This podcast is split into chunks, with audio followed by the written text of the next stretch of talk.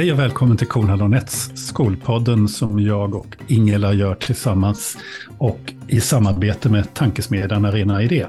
Och jag, det är Per Kornhall och jag har faktiskt papper på att jag är expert. Det betyder inte att jag kanske är det på allting, men jag har i alla fall papper där det står det.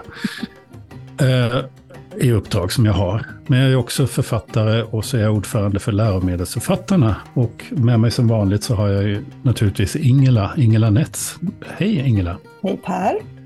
Vad, vad gör du nu för tiden? Ja, jag gör en himla massa saker. Jag eh, läser en, eh, ett masterprogram i utbildningsledarskap i Vancouver. Det är så roligt att säga det varje gång. Mm, ja, ja, ehm, det, det känns så himla lyxigt. lyxigt. Ja, det är lyxigt. Men det, det, är online. Eh, så egentligen är det ganska olyxigt eftersom det är nio timmars tidsskillnad och jag därmed kör en del nattmanglingar när vi har eh, liksom, föreläsningar och sådär. Men det går jättebra. Eh, och så har jag eh, precis eh, klivit in i en ny roll som konsult på heltid där jag eh, hoppas kunna eh, bistå med min erfarenhet och kunskap i offentlig sektor över hela landet. Mm. mm. Göra världen lite bättre och få, Exakt. få pengar till gröten och saltet till den. Precis. Eh, vi gör ju den här podden helt ideellt. Därför att vi tycker det är så himla kul att få prata med människor som är som vi tycker är intressanta och spännande eh, i frågor som rör skola och samhället och skola, alltså utifrån utbildning och, och skola. Och, och tycker det är en fantastisk förmån med alla dessa fascinerande, intressanta och engagerade människor som vi får möjlighet att prata med. Och idag har vi med oss en, en spännande person, nämligen Emily Fransson, som ju är ordförande för Sveriges lärarstudenter. Hej Emily! Hej! Välkommen. Väl Tack så mycket. Men får man vara ordförande för Sveriges lärarstudenter när man inte är student längre? Ja, jag blev ju vald eh, under min studieperiod, men det kan ju hända mycket. Eh, framför allt när två fack blir ett så man får förlängt mandat. Ja. Men eh, ja, idag är jag ju yrkesverksam lärare så det har ju hänt mm. lite så. Ja. Du blev alltså klar med dina studier i våras? Ja, precis. Så precis helt nybakad. Hur är det att vara på jobbet? Eh, jätteroligt, men väldigt tufft också. Mm. Nu börjar man inse eh, det här alla pratar om med praxischock och sådär, eh, att det, det, är en verklig, verklig sak. Mm. Mm.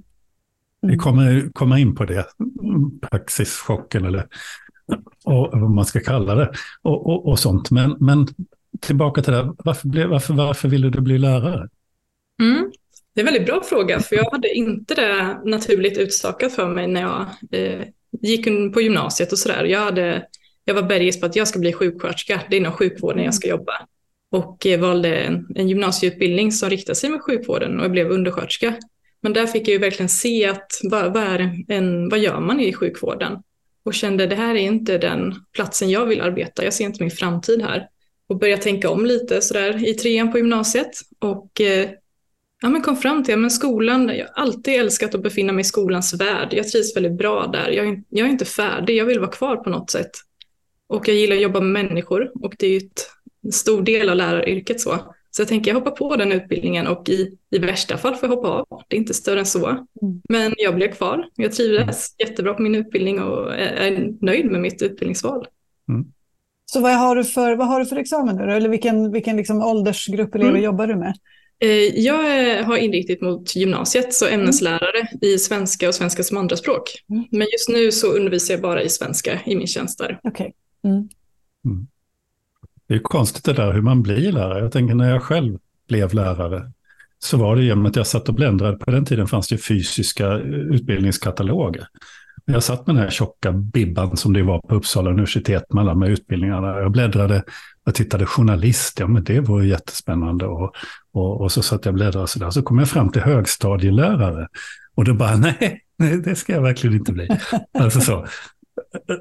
Och det är ju min erfarenhet från högstadiet som, som spelar in där. Och så bläddrade jag en sida till och så stod det gymnasielärare. Och då blev det så här, ja men vänta. Ja, ja men det, det vill jag. Alltså, mm. och där förändrades ju mitt liv. Mm. Alltså i den, i den bladvändningen. Från mm. ett, ett skratt om något jobb jag inte ville ha för grund av vad jag hade innan till att ja, men det här vill jag ju faktiskt. Och så insåg jag att det skulle passa perfekt till min, min familjesituation och, och min livssituation och allting. Så, så där går det ju till. Mm. Det är märkligt.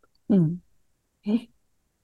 Och hur, alltså, det, det, det, har ju varit, det här är ju ett jättestort ämne just det här med liksom vilka som söker lärarutbildningen och, och hur många de är och om de räcker till och sådär. Um, vad är din erfarenhet nu från, är det, var har du pluggat när du har läst din lärare? Jag har studerat i Linköping. Ja. Mm. Så det är väldigt, eh, har ju många lärarutbildningar på ja, precis. precis. Så vad är din, liksom, sådär, bara utifrån vad du har befunnit dig i ett antal år nu då? Mm. Um, är, det, är det tillräckligt många som söker? Är det rätt personer som söker? Mm. Ja, men eh, om vi kollar bara på vilka som söker så, så mm. tycker jag mig urskilja någon form av två olika läger. Vi har en grupp som har haft utstakat för sig hela livet nästan att det är självklart att jag ska bli lärare. Mm. Och då kanske man har haft en, en, lärare i släkten eller familjen som man har någon anknytning till, till den rollen. så. Men sen tror jag vissa att det är en roll som växer hos många under studietiden eh, eller kanske till och med efter eh, man har avslutat gymnasiet. Att vad, vad är det jag ska hitta på? Eh, och känna, men jag vill ju faktiskt vara den här viktiga personen i klassrummet som både lär ut ämnesstoff, men också att få vara en del av att bilda dagens barn och unga till framtidens samhälle. Så. Och, och verkligen vill ha det här viktiga, förstå det viktiga samhällsuppdraget man har som lärare. Sen eh, ser vi ju att det är ju tyvärr för få som söker sig till utbildningarna. Mm.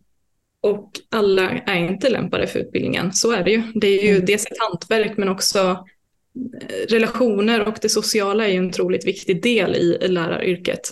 Men så tänker jag att det är inom all, alla utbildningar, att alla som kommer in eller studerar vid en utbildning är ju faktiskt inte lämpade för det här yrket. Det är intressant mm. det du säger, att även den gruppen som då, att det, just den här att det här är ju väldigt vanligt har ju läst rätt många undersökningar om varför folk blir lärare. Och det här är ett väldigt, väldigt vanligt svar det här. Alltså variationer på meningsfullhet och göra skillnad temat. Mm. Det är ju någonting som är väldigt, väldigt viktigt i det. Och det är ju mm. sånt som, som ju en statlig den statliga skolkommissionen redan 1948, alltså 1946 års skolkommission skrev. Det kommer aldrig saknas människor som vill bli lärare eftersom jobbet är så viktigt, skrev de ju. Mm. Och den drivkraften finns kvar där. Mm. På, på vilket sätt märks det när man går en utbildning? Alltså... Ja, ja, men jag tror dels vilka typer av människor som studerar vid utbildningen. Att, in, inte speciellt att det skulle vara i någon negativ bemärkelse, utan det är en viss typ av människor som vill jobba i de här typen av yrken. Mm. Och sen upplever jag också i, i, min egen utbildning att man har lärt sig in i något mantra att, att lärare är inte bara ett yrke, det är nästan som en livsstil. Att du vill att folk ska utvecklas. De vill att personer ska lära sig saker. Och jag tror just den biten är en väldigt stor del av yrket. Och det kommer ju in lite det här med yrkesstolthet också. Att, att man har en, en stark förankring i professionen och det man gör. Och man mm. är väldigt stolt över det. Mm. I, um, I Tidöavtalet, vi pratade om det i, i, vårt första avsnitt för säsongen här, Per och jag, um, hade väl en hel del uh, ganska kritiska synpunkter på, på skrivningarna där. Men bland annat så pratar man ju om att höja läraryrkets status. Uh, så. Vad, vad, vad, vad, tänker du? Du är ju liksom, för du är ju verkligen, och dina studiekamrater har ju verkligen varit målgruppen där på något vis. Liksom. Vad, ja.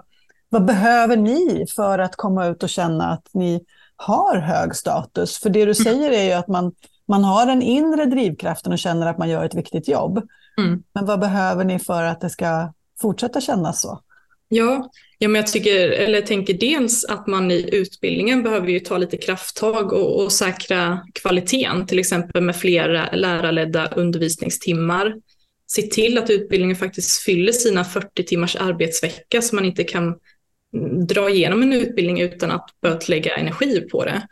Men sen tänker jag också att jag tycker ibland att det blir lite snävt att vi bara kollar utbildningsmässigt, men vi måste ju kolla på vår framtida arbetsplats som är skolan. Och där finns det ju jättemycket saker man behöver göra för att säkra till exempel en god arbetsmiljö. Vi har många lärare idag som är utbildade, men som väljer att lämna yrket för att man får inte förutsättningar för att göra ett bra jobb i, i praktiken så. Så att jag tror att man behöver se de båda delarna där och, och säkra upp det för att göra yrket mer attraktivt. Och i slutändan tänker jag att det kan höja antalet sökningar till utbildningarna. En, en sån där sak, vi kommer komma tillbaka till lärarutbildningarna och, och det, men, men en sån där detalj i det hela är ju den, eh, och det kan jag ju fråga dig direkt, för du har ju kommit ut och är ute som lärare. Mm. Får du en introduktionsperiod?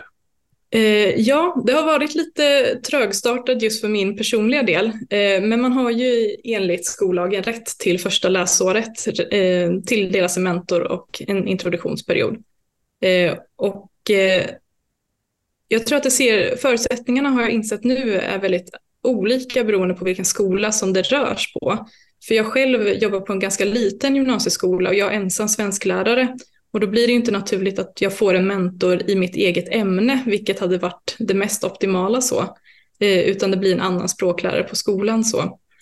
Men jag tror att det är en viktig del för att få en trygg och schysst och en, eh, goda förutsättningar eh, för att bra, få en bra start i sin yrkeskarriär. Så.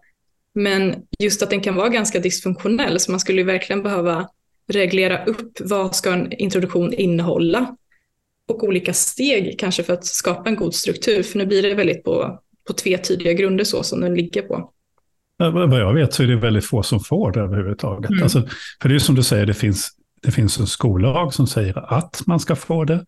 Det finns föreskrifter från Skolverket om vad den ska innehålla. Alltså det finns ju stödmaterial, alltså mm. föreskrifter, stödmaterial, hemsida etc. etc. från Skolverkets sida. Men om jag minns rätt så är det ju två tredjedelar som inte får någon introduktionsperiod. Nej. Alltså två tredjedelar av huvudmännen följer inte skollagen. Nej. Och jag tror tyvärr mycket att det grundade sig i att studenterna eller nya lärare måste efterfråga det själva för att det ska hända någonting där. Mm. Och när jag i min fackliga roll har varit på lärosäten och pratat med lärarstudenter, det är få som vet om vad det här är för mm. Så där missar man ju en viktig kunskapsbit och mm. där kan jag tycka att lärosätena måste ju ta något ansvar att förmedla att när ni är nya i yrket, då, då har ni rätt till det här. Ni måste se till att ni får det. Mm. Man får liksom inte tumma på det. Men, det, men är det inte också, om man tittar upp i det, för om vi nu har Tidöavtal, det är inte, mm. de här, det är inte den regering vi har nu som är den första som man pratar om att vi ska höja läraryrkets status. Nej, utan nej. utan det, det har vi alla regeringar haft under ganska lång tid. Mm. Inte minst Jan Björklund, det var Jan Björklund som, som, eh, som eh, skolminister som införde introduktionsperioden. Men om staten tänker att ja, vi måste se till för att vi har bara, nu har vi bara 30 procent behörighet i skolan, vi måste göra läraryrket mer attraktivt och det är väldigt viktigt utifrån internationell forskning att det finns en bra introduktion i yrket. Och allt det här vet vi och så beslutar vi, vi skriver en skollag och så vidare. Eh, eh, det kan inte vara lärare, är det inte staten då som bör se till att det här faktiskt sker? Och ja. det inte det finnas en, en jag menar Skolinspektionen har ju rätt många anställda, några av dem kunde ju åka omkring och bötfälla huvudmän och skolor. Framförallt jag tycker man ska ta på huvudmännen så inte rektorerna får lida för det här. Utan huvudmännen jag... bötfäller dem för att man inte har introduktionsperioder. Alltså, om man vill att lagstiftning ska fungera, eller är, är lagstiftningen bara en rekommendation? Alltså, du hör, det är en rant från min sida. Och jag är också i möte med politiker, för det här var en fråga som jag pratade mycket med politiker under Almedalsveckan i år. Mm. Att vissa partiers skolpolitiska talespersoner har aldrig hört talas om introduktionsperiod. Det tycker jag är ganska oroväckande eh, och bara där ser man ju ett behov av att vi behöver prata mer om det. Mm. Och sen kunde vi då fortsätta ner i kedjan hur många lokala utbildningsnämndspolitiker känner till det här. Hur många personer på förvaltningarna har mm. läst den här delen av skollagen och bryr sig om och, och ja, så vidare. Och, och ur mitt rektorsperspektiv då som, som ju är mig närmast så, så, så ja, man vet om att det finns Eh, men, men det är ju alltid den där frågan om liksom alla saker som ska göras och hur ska vi få in det här också i någons tjänst och mm. därmed dra ner lite undervisningstid för att det ska bli möjligt att vara en bra mentor eh, med allt vad det innebär. Liksom. Så det, det, är ju ett, det är inte en, ett, ett lätt pussel att lägga, men jag är helt överens med er om att det, det är liksom en bra, alltså det är en viktig del i att komma ut och och liksom börja utöva ett yrke som är så komplext. Mm. Mm. Ja, det är intressant. Mm, verkligen. Den här läraren, ja. ja.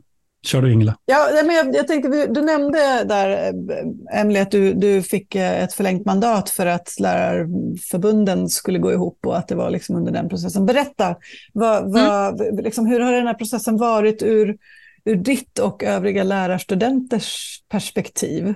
Ja, nej men dels om vi bara kollar på vad vi har minnat ut i nu när vi har ett gemensamt förbund, både för lärare men också lärarstudenter, så blir det ju en naturlig kraft att vi, vi riktar och, och vi samlar alla resurser och förutsättningar vi har för att faktiskt nå ut med det vi vill. Och det är ju att få förändring och göra våra situationer och framförallt lärarutbildningen till, till det bättre för att säkra upp kvaliteten. Att vi får ut goda lärare ut i yrket. Eh, men sen om man kollar internt så har det ju varit eh, en väldigt stor omställning. Dels att man ska skapa den nya organisationen och där har ju vi verkligen fått möjlighet att, att påverka så. Men det är ju ganska komplext det här, vad, vad är det vi vill bli för någonting och hur, hur blir vi det? Hur etablerar vi ett namn på, bland politiker och på marknaden så? Och där har det ju varit två olika kulturer som ska enas i en gemensam syn på det. Och det är inte alltid självklart så. Mm. Men vi har ju ändå haft samma syfte eller samma målsättning så, så att jag tycker ändå vi har löst det ganska bra och jag tror att det varit ganska få konflikter i jämförelse mot eh, modeförbundet. Så. Mm. Och hur har ni löst eran, eran liksom, för, för i modeförbundet så har man ju växlat mellan vem som har mm. varit liksom ansiktet utåt och ja. Ja, ordförande nu då. Hur mm. har ni gjort? Jo men dels eh, har ju två styrelser blivit som en stor gemensam styrelse, mm. för ingen mm. har ju blivit av med gamla uppdrag som han hade i respektive förbund.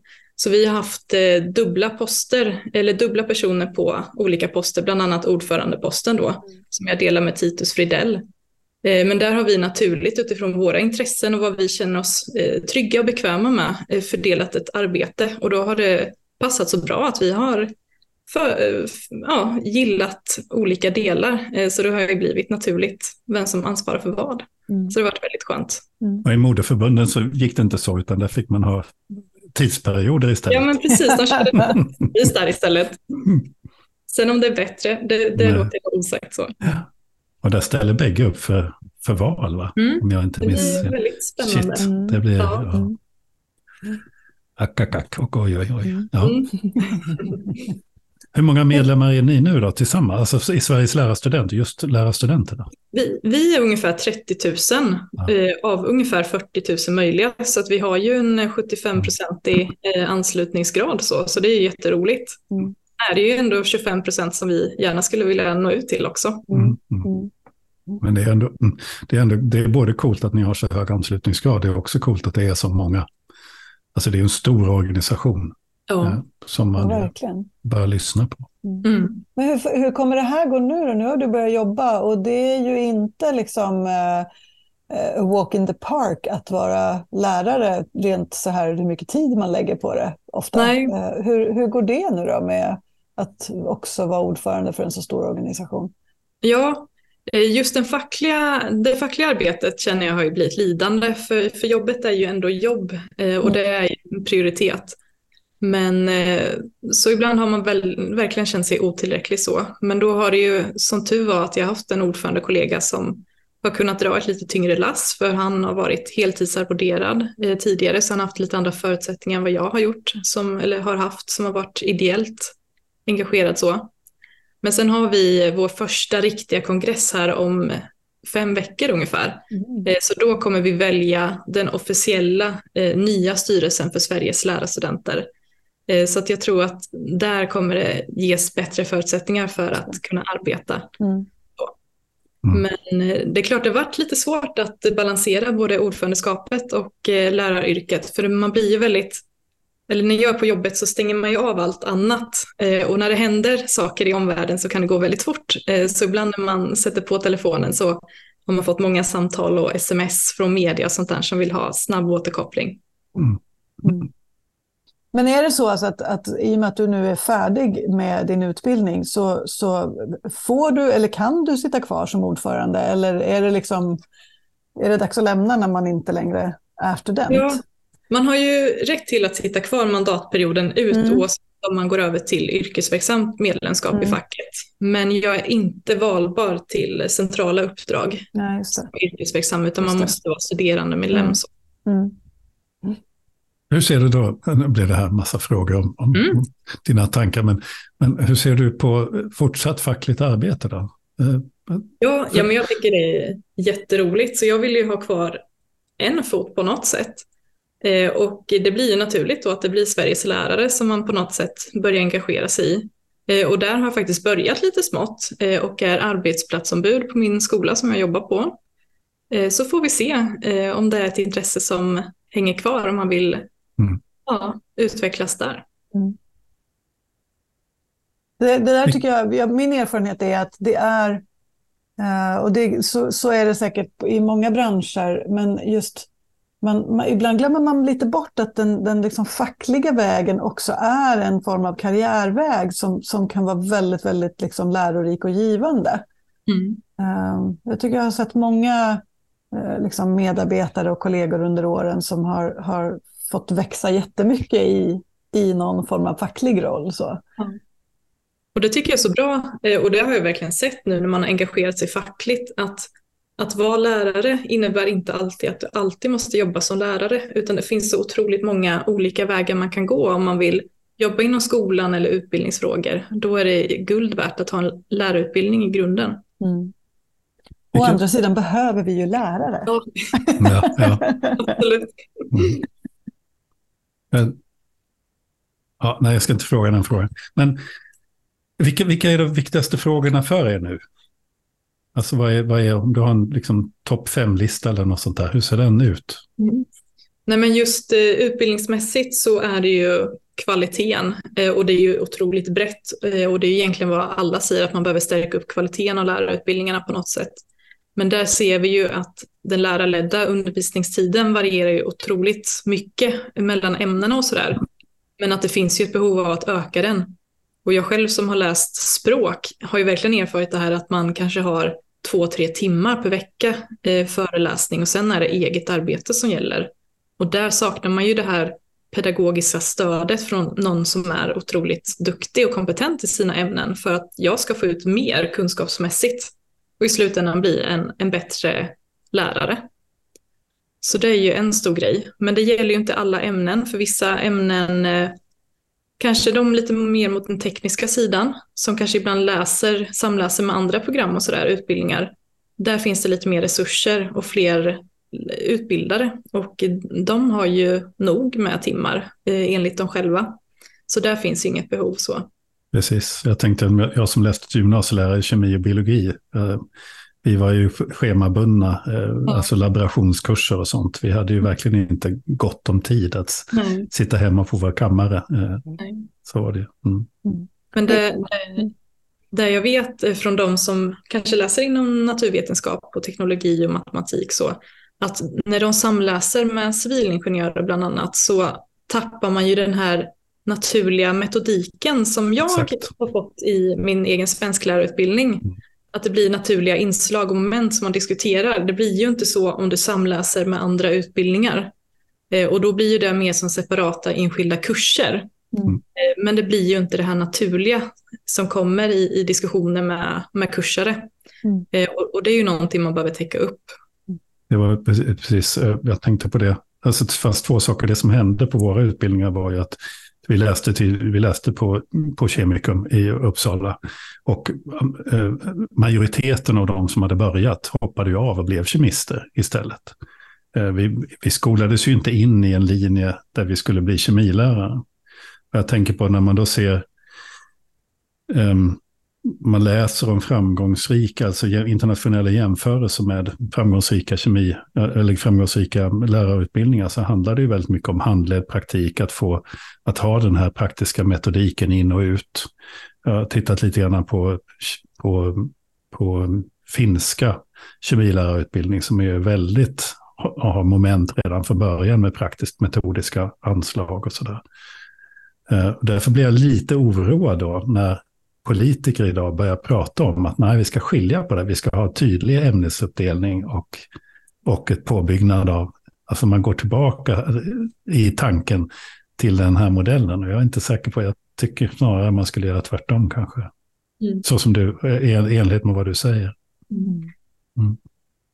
Det, är ju, det, det, är ju någon sorts märklig paradox också att, att, att det just är liksom på lärarutbildningen som, som det är minst timmar med lärare som undervisar. Man pratar om, om vikten av liksom lärarledd undervisning i skolan generellt. Men, men gör inte kopplingen till att det är nog ganska viktigt också för, för den som ska bli lärare. Mm att både ha, men jag tänker det handlar ju om någon sorts förebildlighet i att se lärare liksom utöva sitt yrke mm. under sin utbildning, inte bara på praktiken utan också i liksom de, de akademiska studierna. Ja. Och tillgång ja, till. Liksom. Mm. grundar sig i en resursfråga och ja. kanske inte alltid finansiellt utan också att det finns eh, inte tillräckligt med lärarutbildare så det finns ju inte personal som kan bemanna fler. Vad har ni mer för frågor? Om vi, om vi fortsätter. Mm. Lärande ja, undervisning, alltså mer... Eh, ja. De praktiska inslagen, för att det blir ju väldigt tydliga läger. Vi har de praktiska inslagen och vi har ämnena eller stoffet så. Och det teoretiska kan ibland vara dåligt på att överbryggas. Hur tillämpar vi det här i klassrummet? Och mm. just läraryrket är ju ett hantverk eh, och där måste man ju verkligen vara, vara ute och, och jobba för att tillämpa kunskaperna och utvecklas i sin lärarroll. Eh, och vi hade gärna önskat att vi hade fler praktiska inslag i utbildningen, möjligtvis mm. längre BFUer eh, eller om fältstudier för att knyta an ämnet till eh, verklighet. Så. Men där kommer också frågan att vi saknar handledare. Mm. Då finns det inte mm.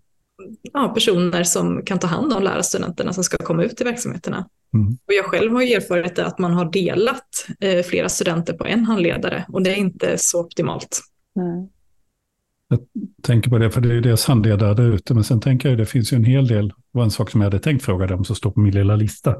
Men just att när man går en lärarutbildning och så utbildas man av någon som aldrig har varit i skolan som lärare. Mm. Mm. För det är ju ganska vanligt, vad jag förstår. Det är till och med så att ibland lärosäten tycker inte att det är deras uppgift att, att, att ha varit i kontakt med skolan. Mm. Därför att de, de ser sig som en annan, har en annan roll. Så är det någonting som ni... Nej. Nej, nej. Mm.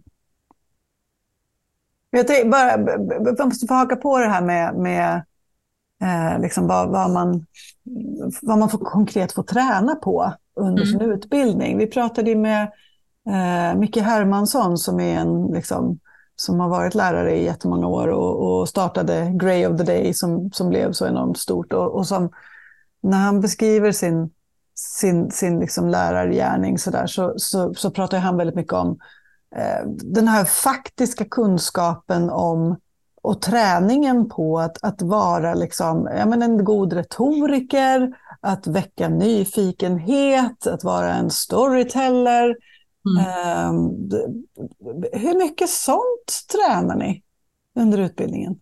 Eh, jag skulle inte säga att det sker någon sån form av träning på själva lärosätet, utan det är ju just när man är ute på verksamhetsförlagd mm. utbildning och mm. praktiserar i klassrummet. Mm.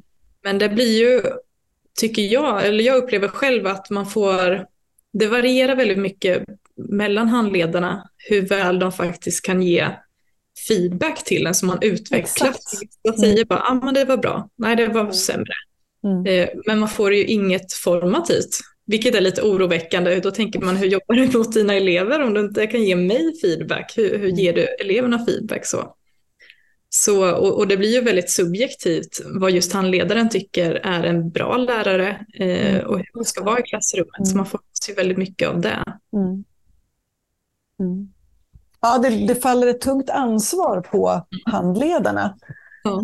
Tänker jag. Som ju inte alltid då är, liksom är kopplade till själva utbildningen på lärosätet. Då. De kan ju vara som enskilda satelliter, att du bara blir ja. utskickad till någon. Ja, och, och, så har de något avtal med kommunen, men det finns liksom inte den här intima kopplingen mellan teori och praktik, mellan universitetet och... och Sen finns det ju ställen där man försöker nu, jag menar övningsskolorna och, och de mm försöksverksamheten som pågår här och där. Så att jag inser att det här ser olika ut också. Um, men det, det, är ju ett, definitivt, tycker jag, ett problem. Mm. Att, att den här bristande kontakten mellan teori och praktik. Det var också som en annan av våra gäster som vi har, precis, som vi har pratat med eh, tidigare, eh, Daniel Sundberg från Linnéuniversitetet pekar ut som, som just en brist på svenska lärarutbildningar. Alltså kopplingen, alltså växlingen att gå ut och in i teori och praktik medan han behöver bli bättre och starkare. Mm. Och just också det här med att det är en stor handledarbrist. Att eh, vissa handledare är ganska nya i yrket. Man kanske har jobbat ett år och då har man inte den erfarenheten att kunna bidra med kunskap eh, i den bemärkelsen. Så det blir också lite problematiskt. Mm. Då har man knappt inte ens haft sitt introduktionsår. Precis. Nej. Du, Emelie, du, jag, när jag läste på lite om dig så hittade jag mm. en del debattartiklar och sådär som du hade skrivit. Och, och, för något år sedan ungefär så, så, um, så skrev du om, om uh, olika vägar in i yrket. Uh, och så, så fanns det ett citat som var ungefär så här, eller det var så här. Uh, likväl vill vi inte ha en utbildning som konkurrerar ut den reguljära lärarutbildningen eller underminerar yrket. Här krävs ordentlig kontroll och uppföljning. Och det handlade väl om att just de här lite snabb, snabbspåren liksom, mm. för att fylla på med lärare som kommer från andra, andra med andra kompetenser eller andra utbildningar i ryggsäcken. Mm. Eller från andra länder ibland och så. Um, det är möjligt att jag tolkar saker som inte finns här och då får du protestera. Men jag, jag, jag uppfattar en, en, en liten gnutta av liksom protektionism i det där. Um, är det liksom en hållbar väg när vi har en sån enormt massiv lärarbrist framför oss? Och vi måste, alltså vi måste ju lösa den. Ja, eh, och just det här kopplas ju till KPU eh, och den, det snabbspår som man mm. Eh, nu liksom förespråkar bland politiker. Så.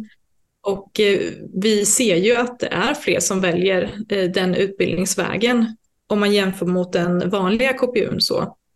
Och det är ju folk då som har kanske läst en kandidatexamen eh, eller har något annat ämnesområde.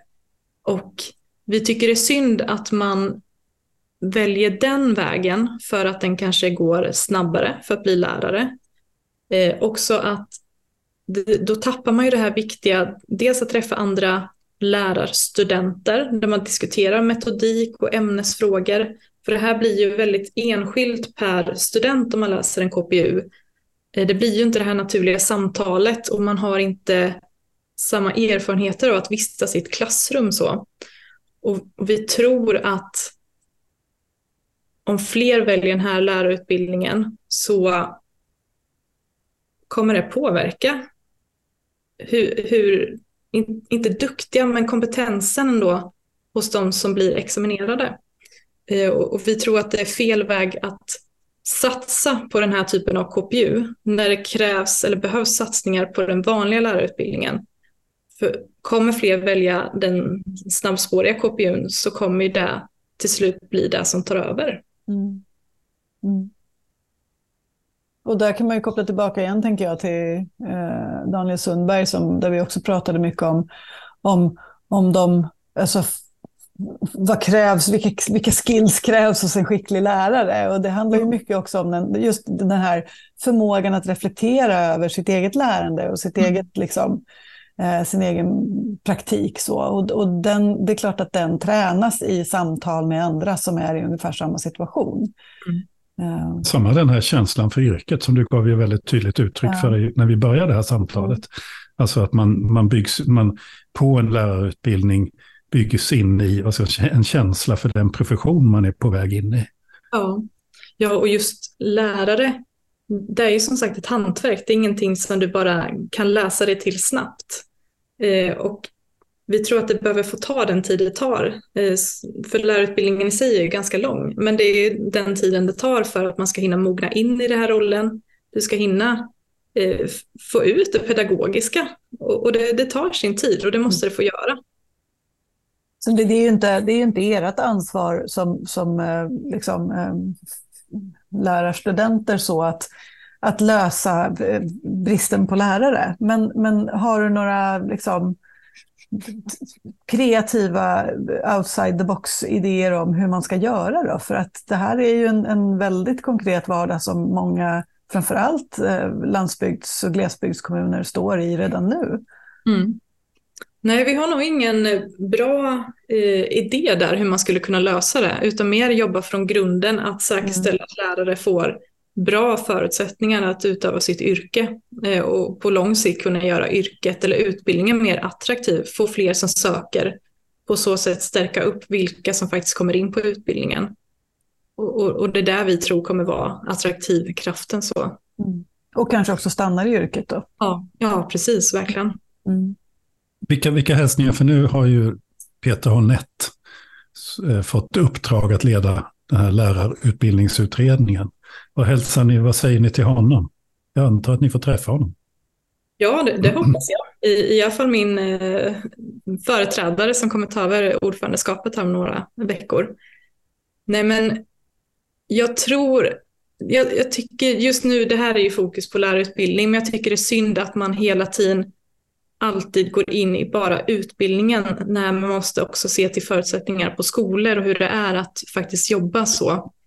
Men just, man kan ställa sig lite frågan till det här att eh, anställnings eller inte eh, antagningskrav och sånt där, är, är det rätt väg att gå?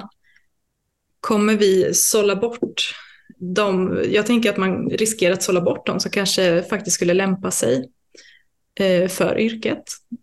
Så.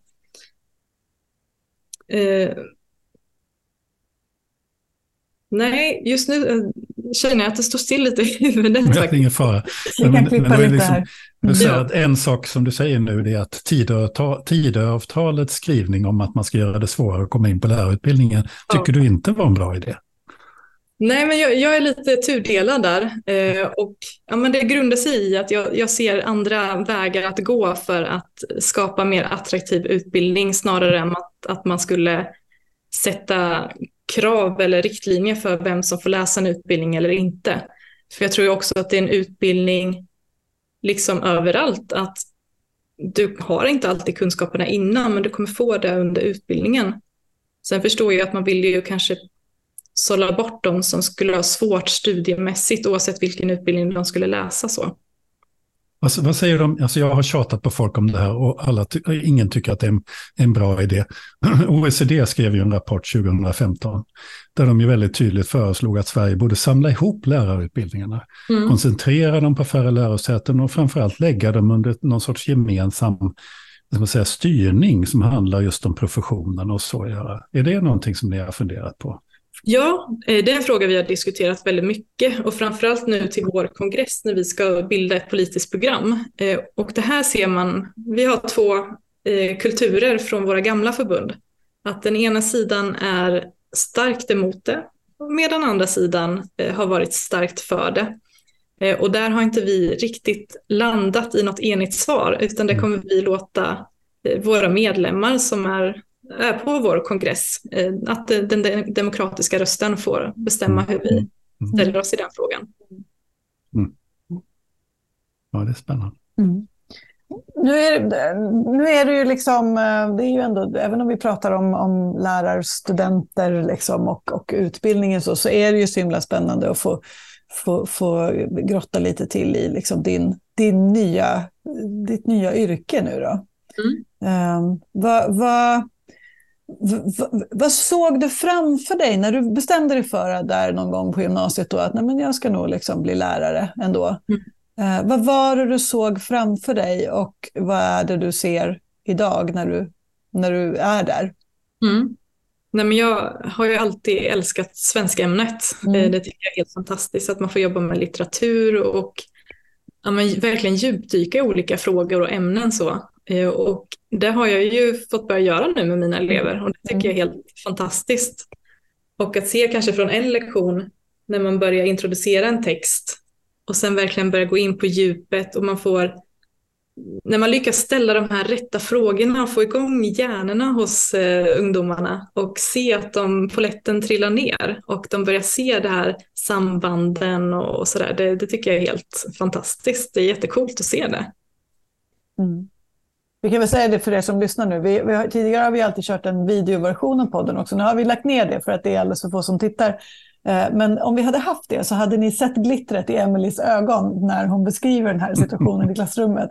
Och den känner vi ju igen från så många lärare som vi har pratat med genom de här åren. Att, att det, det, det är ju någonting alldeles magiskt när man upplever de där situationerna.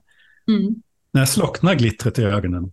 Alltså, när i, i vardagen, din nya lärarvardag, slocknar den här blicken och det blir något helt annat? Ja, men jag, när jag lämnar lektionen och kommer in i mitt arbetsrum, då, huh, när man landar lite grann, då, för man inser också på något sätt, när du är i klassrummet så blir det som ett form av skådespel, för du ska väcka intresse och sådär, att det tar väldigt mycket energi och speciellt när man är ny i yrket, att då, då är man trött. Mm. Mm. Och det är ju så, det är väldigt intressant hur man växer som lärare. Det, mm. det som tar väldigt mycket energi i början blir ju sedan mer eller mindre automatiserat. Ja. Och då kan man ju mm. fokusera på andra saker. Men jag tror just den här gnistan, om den någon gång skulle släcka i ögonen, då, då ska man fundera på om det är någonting annat man ska göra. Om man behöver förändra situationen lite. För mm. att det ska ju vara kul att stå i klassrummet. Det ska det vara. Men det, det kanske också är så att det är inte alltid att man ska förändra, det är kanske inte alltid att man ska byta jobb. Nej. Utan det kan ju också vara, jag hade ju en sån period när jag höll på att gå under som ny mm. lärare. Alltså jag vaknade med ångest och hjärtklappning eh, på nätterna och med alla måsten och allt jag inte hade uppfyllt och så. Och, och jag bara, en sån natt så tänkte jag bara, nej, det här går ju inte. Alltså det här tycker ju inte, jag tycker inte det, jag kommer inte överleva som lärare. Mina elever kommer ju, tycker ju att jag blir hemsk som lärare. Alltså jag måste ju ha roligt. Alltså jag måste ju tycka det här jobbet är kul. Annars kommer inte de heller ha kul. Alltså det blir ingen, ja. Och så bestämde jag mig där och då för att bli, bli slarvig. Alltså ärligt. Att mm. inte vara mm. så jäkla noga, inte känna kraven, men, men se till att jag liksom, ja, hade den här energin. Det var, det var ett otroligt viktigt beslut. Mm.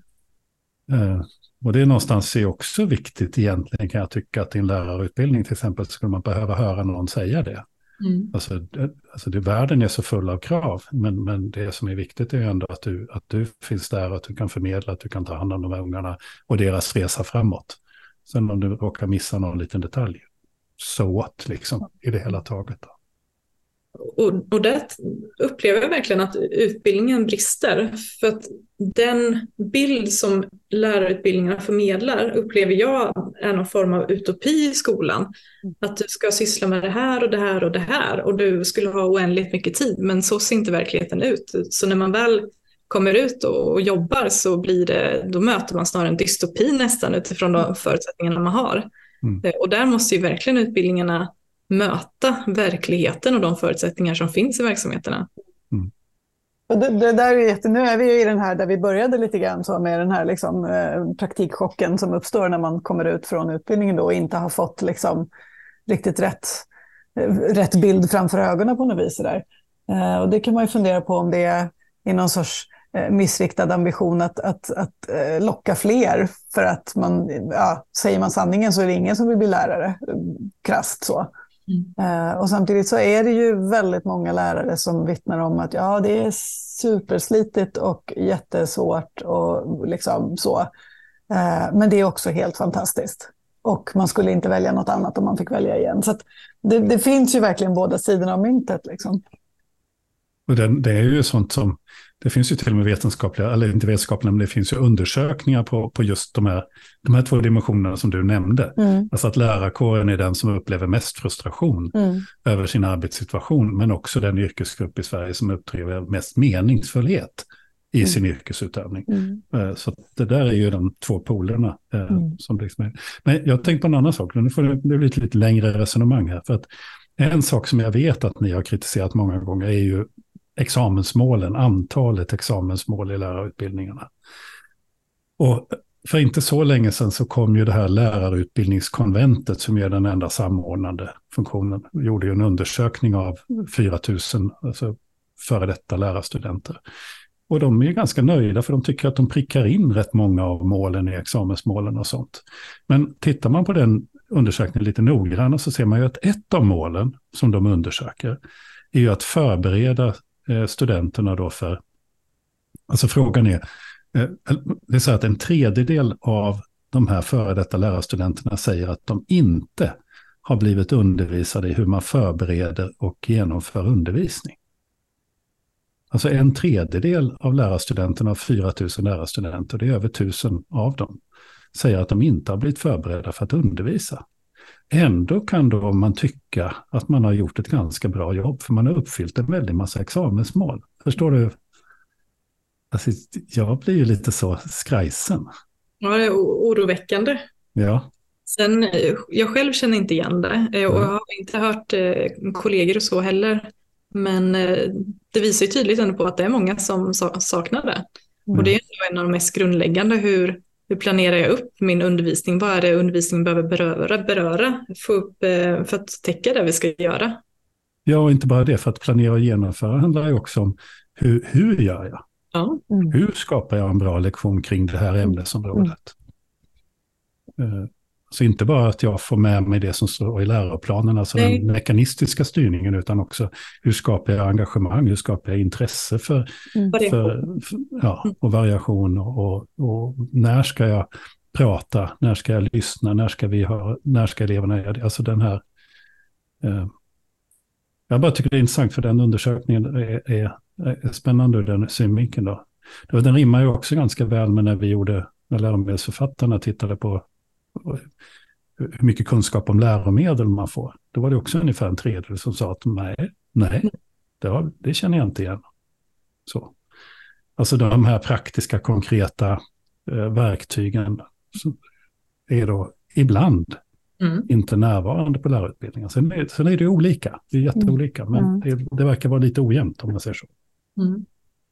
Jag tyckte det var lite roligt eh, just det här med läromedel eh, i och med att vi gjorde den här undersökningen och eh, för mig som inte har jobbat så mycket med läromedel tidigare försöker tänka på det nu i min egen undervisning och då har jag tagit in läromedel i lite viss, olika moment så. Och då var det någon elev som sa här förra veckan att Gud, varför har vi inte jobbat med läromedel innan? Det var så himla bra. Liksom mm. att det gick så himla bra för mig att läsa som har svårigheter med det. Eh, och det var så kul att eleverna själva upplever att det är ett bra verktyg, en bra resurs som man ska mm. nyttja i undervisningen. Mm. Mm. Ja. ja, det är intressant. Hur, hur det, det, ibland kan man bli så fascinerad över hur vissa frågor, när man väl liksom landar dem på något vis, som, som vi har gjort, som, som liksom, ja, men diskussionen kring läromedel har landat nu på något vis, då har man så väldigt svårt att förstå att, att vi överhuvudtaget kunde tänka på ett annat sätt tidigare. Mm. Och det, jag kommer att tänka igen på det. Det beror på att vi, det var ett väldigt intressant samtal med Micke Hermansson vi hade. Återigen hur han, han beskriver hur han kom på den här grejen. Och då är han lärare i en fjärde klass och som inte fungerar. Och han provar alla sina knep. Han har varit lärare i, i två decennier, 25 år hade han varit mm. lärare då.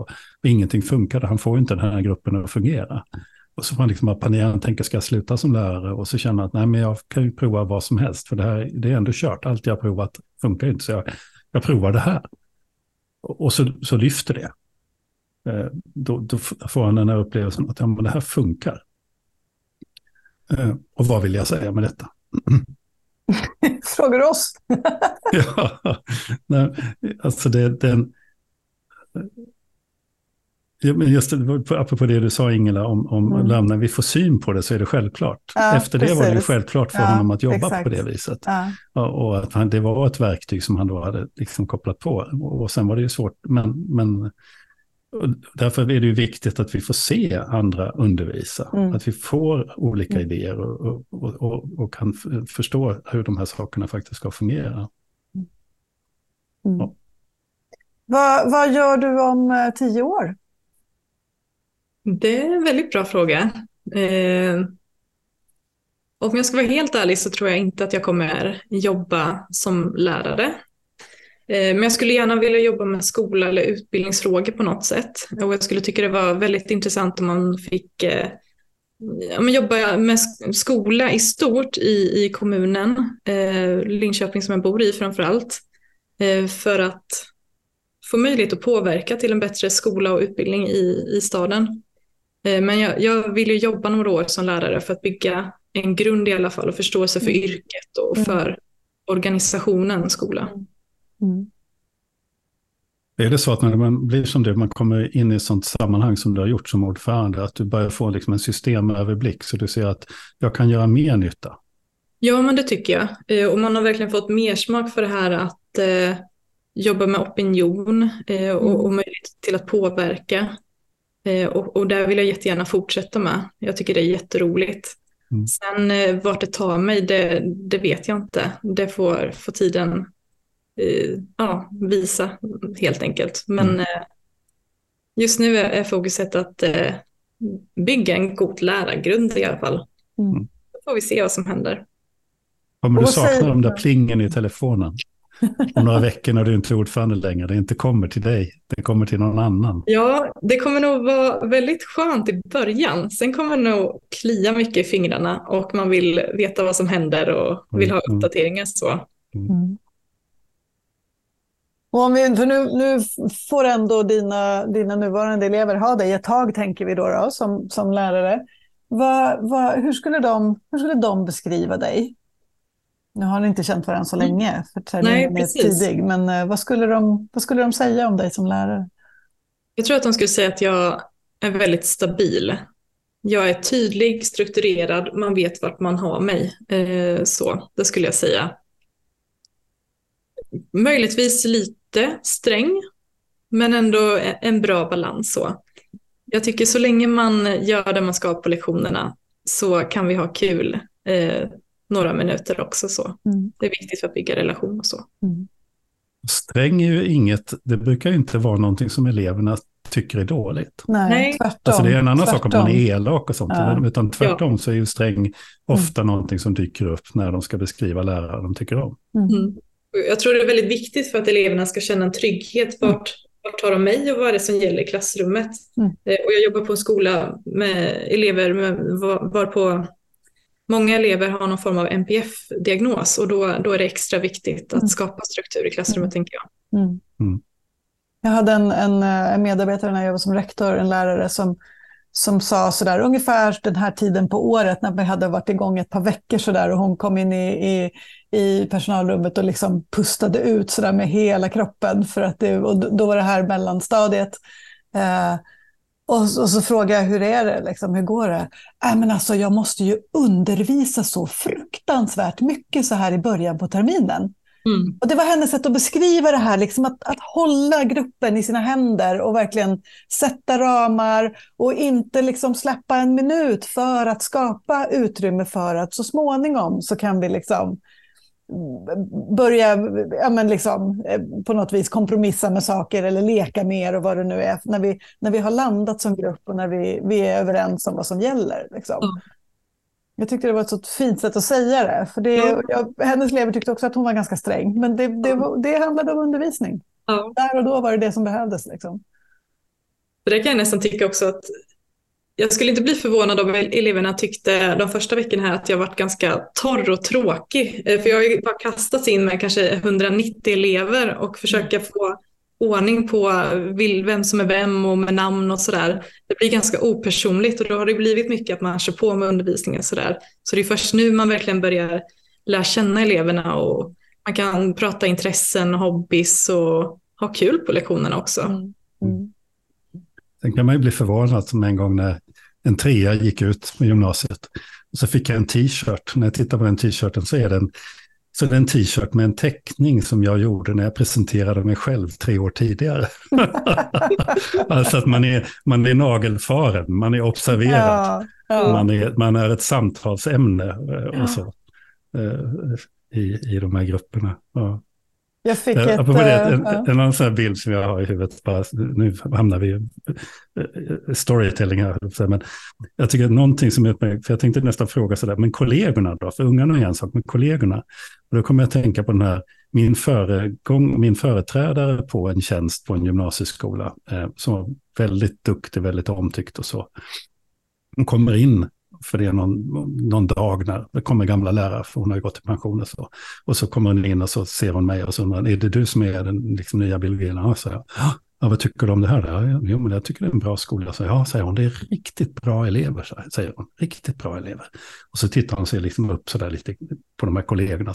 Och så finns det några bra kollegor också, sa hon. Och skrattade och gick.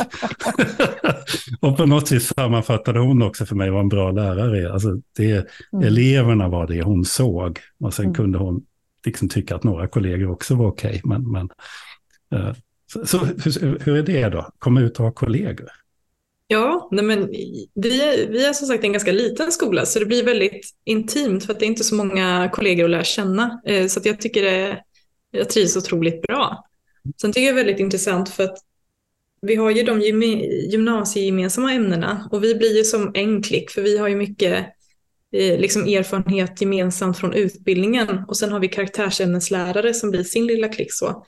Jag tycker det är väldigt eh, trevligt att jobba mellan gränserna så. Man mm. har väldigt roligt tillsammans när det är olika världar som möts. Så. Mm. mm. En sista, vi behöver, eh, det är alltid sådär att vi, vi har så mycket roligt att prata om så vi glömmer bort tiden lite grann. Men en sista, en sista fråga då innan, innan eh, vi rundar av. Um, har du någon hälsning till uh, vår utbildningsminister? Något medskick? Ja, eh, gå inte in och reformera om lärarutbildningarna så ofta som man gör just nu, utan se till att säkra upp de utbildningar som vi har. Det skulle jag vilja skicka med. Men också att vi behöver fler lärarutbildare och vi behöver mer praktiska inslag i utbildningen. Så inga reformer, men några reformer? Ja, reformer inom Ja, men precis. Mm. Nej, men jag, jag, tror ibland att man behöver låta utbildningarna landa lite. För är senaste reformen från 2012, där någonstans i alla fall, eh, att utbildningen behöver få landa lite. Det har inte hunnit gå igenom så många kullar med studenter. Ja, det. det är bättre att säkra upp och förändra utbildningen inom sig så att säga. Mm. Mm. Och det är ju rätt intressant att den senaste reformen var en liberal reform. Så att... mm. Ja. Tusen tack Emelie för din jo. tid. Tack så jättemycket. Jätteroligt att prata med dig och varmt, varmt lycka till nu, både i den liksom lärargärningen och kanske så småningom i någon annan form eller roll eller vad det nu blir så. Och ditt fortsatta fackliga engagemang. Så stort lycka till och tusen tack. Mm. Mm. Jättemycket. Ja, det är spännande. Mm. Är det. Men det är ju... Det, alltså, det här, det, det är nu, nu är liksom, Emily kan ju ändå stå för ganska många studenters röster. Det är ju det som är hennes roll. Liksom. Eh, och så har hon sin egen erfarenhet. Och det är ju... Alltså jag, jag tänker så här, lärarutbildningen borde ju kunna vara den absolut mest liksom kreativa, roliga eh, ja. utbildningen av ja. alla. Ja. Alltså det är ju min, det har jag sagt ibland, min, min våta dröm som aldrig kommer bli uppfylld, det är liksom mm. att organisera en lärarutbildning. Mm. Bara för jag tänker att det skulle bli en sån plats mm. av, av, mm. av liksom engagemang och mm. intresse och spännande och utmaningar och, och så. Mm. Om man fick verkligen jobba med utbildningsuppdrag, undervisningsuppdraget. Eh, och ta det på allvar. Mm. Så jäkla kul man skulle ja. kunna ha. Och har inte det faktiskt varit så där att det har varit på tapeten att det är någon, någon av de här lite större koncernerna som, som har diskuterat faktiskt att starta egen lärarutbildning? Jo, och då håller jag med Emelie att mm. det är ju ur nationens synvinkel mm. inte. Jag tycker det är så himla bra, det är många, många år sedan nu redan, när den åsikten första gången liksom dök upp. Mm. Och det var det första gången jag, eller en av de gångerna jag då hörde det var på ett seminarium med OECDs experter närvarande. Och så var det någon som drev den här frågan, som kom med en fråga från publiken. Mm. Och den här OECD-experten bara tittade på vad, vad, vad, skulle det, alltså, varför då? Mm. Varför inte göra den, den riktiga, alltså göra lärarutbildningen bra istället? Var, var, mm. varför, varför skulle det bli bättre av en, av en, av en annan lärarutbildning? Mm. Alltså, så, så, att han bara inte förstod frågan och det där tror jag är ganska viktigt. Det här är en nationell fråga. Mm. Och då behöver vi lösa den nationella mm. frågan. Mm. Att, att få ha en bra, till, en bra tillgång och en bra, vad heter det, en bra källa till, till, eh, till nya lärare mm. för det, nationens skull. Mm. Och det, det, känns ju nästan som att man inte ens skulle liksom viska något om det här för att vi just nu har en, en regering som i, i mm. vissa sammanhang i alla fall verkar fortfarande anse att ja, men, eh, privata initiativ är liksom alltid svaret på, på alla utmaningar vi står inför. Um, och det tror vi väl kanske inte riktigt då att det skulle um, vara det bästa på lång sikt och för, för Sverige som kunskapsnation. Liksom, att det... Och sen tycker jag staten, staten behöver inse, för, för det, är väldigt splittrat då. Lärarutbildningarna vill inte, högs, alltså lärarsätena vill ju inte bli styrda i, i, en mening. Det är mm. alltså väldigt svårt med starka mm. lobbyorganisationer, mm. därför många av de här lärarutbildningsreformerna liksom inte når fram och så. Mm. Samtidigt så är de EU-staten en extremt stark styrande kraft. Man pratar om universitetens autonomi och så, men, men den är ju svag i förhållande till examensmålen och mm. universitetskanslerämbetets granskningar. Mm, mm. För man är ju så rädd för att tappa examenstillstånden och därmed de här inkomsterna. Så att man mm. är, alltså det finns ju en stor möjlighet för staten att om man skriver examensmålen på ett annat vis, att faktiskt styra utbildningen. Det blir en väldig kraft i den statliga mm. styrningen. Mm. Så att, ja, jag tycker det är intressant. Ja. Och, jag, och jag tycker att den ska reformeras. Ja. Just för att komma till det där, det där glödande, ja. den här glödande ja, utbildningen. Det är den vi behöver. Ja, och, och, ja man, vill, man, vill, man, man vill ju tänka att många som jobbar i, inom lärarutbildningen som utbildare också, åtminstone en gång i livet tidigare, liksom, har, har drivits av den där mm den där mm. gnistan. Liksom, att ja. den måste få, och nu låter det som att vi rackar ner på allt. Ja, det, så är precis. det ju inte. Det finns ju naturligtvis jätte, jättefina exempel på väldigt bra eh, utbildning inom ja. lärarutbildningen. Men, men ja. det, det, är ju ett problem att det inte är likvärdigt även mm. där. Då, då. Helt klart. Och att, att vissa av de moment som studenterna själva ser att de behöver när de kommer ut i chocken eh, inte tar så stor plats som de skulle behöva göra. Ja. Mm. Aha. Nu är vi nöjda för idag. Ja. Nu är vi nöjda för idag. Verkligen. Så då säger vi tack för oss och, och att du har lyssnat på ännu ett avsnitt av Cornell Nets som är den, en skolpodd som, som vi gör, jag och Ingela, tillsammans med i samarbete med Tankesmedjan Arena Idé. Och är det så att du har en fråga som du tycker du vill ha svar på när det gäller skolan, så ställ den så försöker vi svara på den. Mm. Är det någon fråga vi tycker, du tycker vi ska belysa eller någon person du tycker vi ska prata med, så hör av dig. Du hittar våra kontaktuppgifter där du hittade podden. Mm. Och med det så mm. säger vi tack för idag.